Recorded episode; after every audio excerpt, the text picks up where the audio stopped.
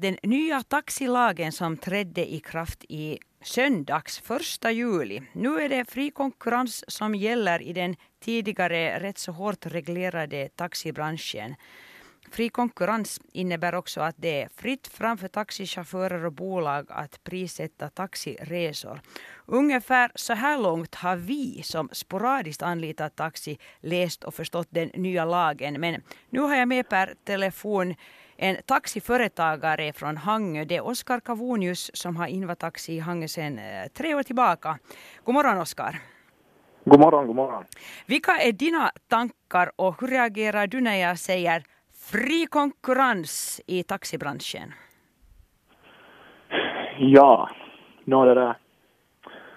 Utgångsläget är ju förstås att, att fri konkurrens är bra. För marknaden gynnar ju konsumenterna och allt det här. Men äh, riktigt, riktigt så fritt är det ju kanske inte sist och slutligen som folk tror. Och hur menar du med det då? Nå, no, alltså samma i princip utgångsläge gäller ju ändå fortfarande att man ska fortfarande ha ett taxilov. För att köra taxi ska man fortfarande ha taxikort. Skillnaden är ju förstås då att det finns inte eh, några begränsningar mera på hur många personer som kan få det och hur många taxi man kan ha med ett lov, som det har varit tidigare. Mm. Eh, tror du att det kommer att eh, betyda fler taxier i Hangö till exempel? Uh, det är sånt som man inte kan veta, men antagligen så, så jo, några flera nog. Och hur är det med er som redan är etablerade taxiföretagare, chaufförer? Hur kommer det att förändra jobbet nu det här med, med att det kommer flera mm, taxiföretagare in? Nå, no, det kan ju komma flera företagare eventuellt, men skillnaden är ju att eh, alla hangetaxiföretagare, så vi har ju gått med nu i, i, i lähitaxi, så vi är en del av en betydligt större helhet. Och det betyder att, att vi har ju förmedling då via en betydligt större samling av bilar. Vilket betyder att fast man skulle starta ny, nytt taxiföretag så, så om man inte är med i någon av de här större, eller vi har ju det här numret som har gällt redan länge som alla är bekanta med och alla vet vilket nummer man ska ringa till om man behöver en taxi i Hange. Så om man inte är med i då det numret så är det ju inte så där bara ändå att börja. Mm. Hur är det nu för den enskilda kunden? Till exempel om jag kommer för att jag ska åka taxi nu i Hangö till exempel. Eh, för det första kanske jag känner till det här numret och, och i övrigt också så, så kommer jag att ha svårt att få tag på en taxi och hur ska jag bete mig när det gäller just eh, betalning?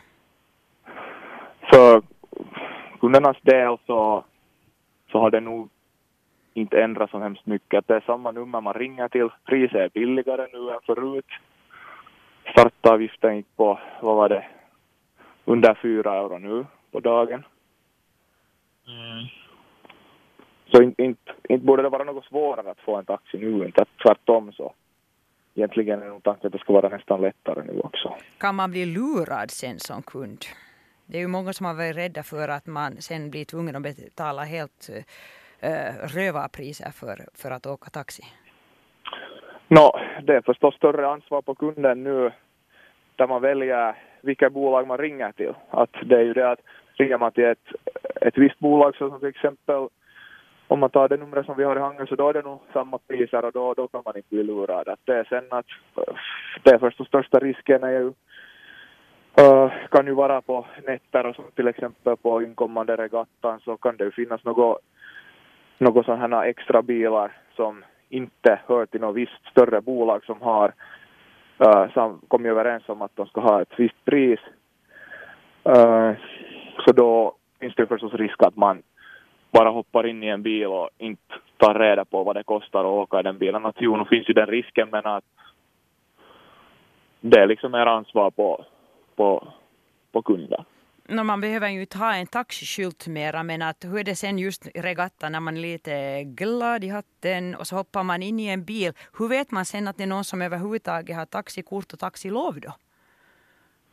No, taxikortet ska man ju jag veterligen fortfarande ha framme Mhm. i bilen, så som det också har varit förut.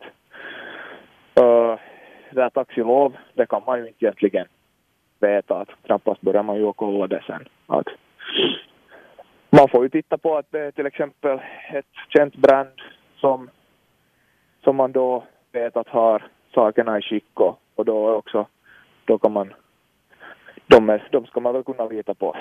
Mm. Eh, no, nu har jag ju förstått att eh, det här kan vara ett eh, större problem i städer, i synnerhet om det är lite större än Hangö också. Eh, mm, men på landsbygden så kan det också bli det problemet att sen finns det ingen taxi där mera. För att det inte så att säga lönar sig. Vad tror du om det kommer att bli stora skillnader mellan större och mindre orter, stad och landsbygd?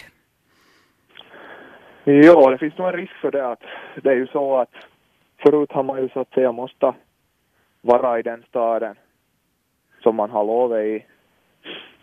Och om det då är mera lönsamt att vara någon annanstans så är det ju fritt fram att fara dit då. Att det där. Men att svårt har man ju att tro att det skulle inte löna sig för någon att vara i en viss kommun. Att det är ju det som marknadsekonomi egentligen handlar om. att där var behovet finns, så där finns också utbudet. Mm.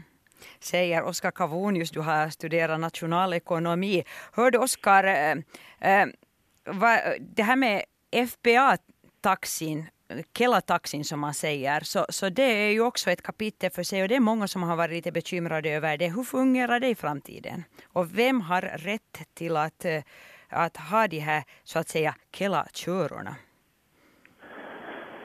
Nå, det i princip så där också fortsätter det från kundernas synvinkel ganska långt som förut.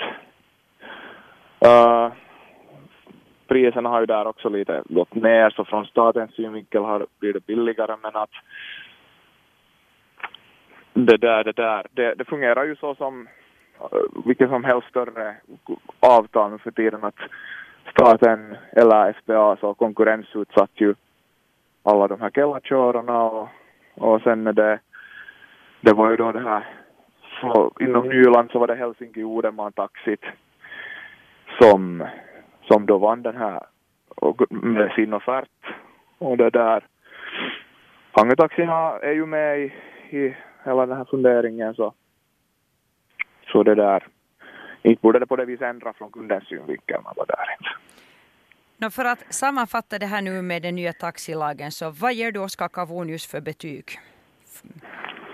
Fyra förändring. till tio. Nå, inte kan man ju göra några hemskt höga poäng på grund av hur den har genomförts. Att det har ju varit kaotiskt. Så det där, det skulle ha kunnat lite, med lite vettigare tidtabell körts igenom nog. Att vad ska man nu ge en sexa? Det var inte så högt vitsord, men nog så att man är godkänd och, och till och med nöjaktigt.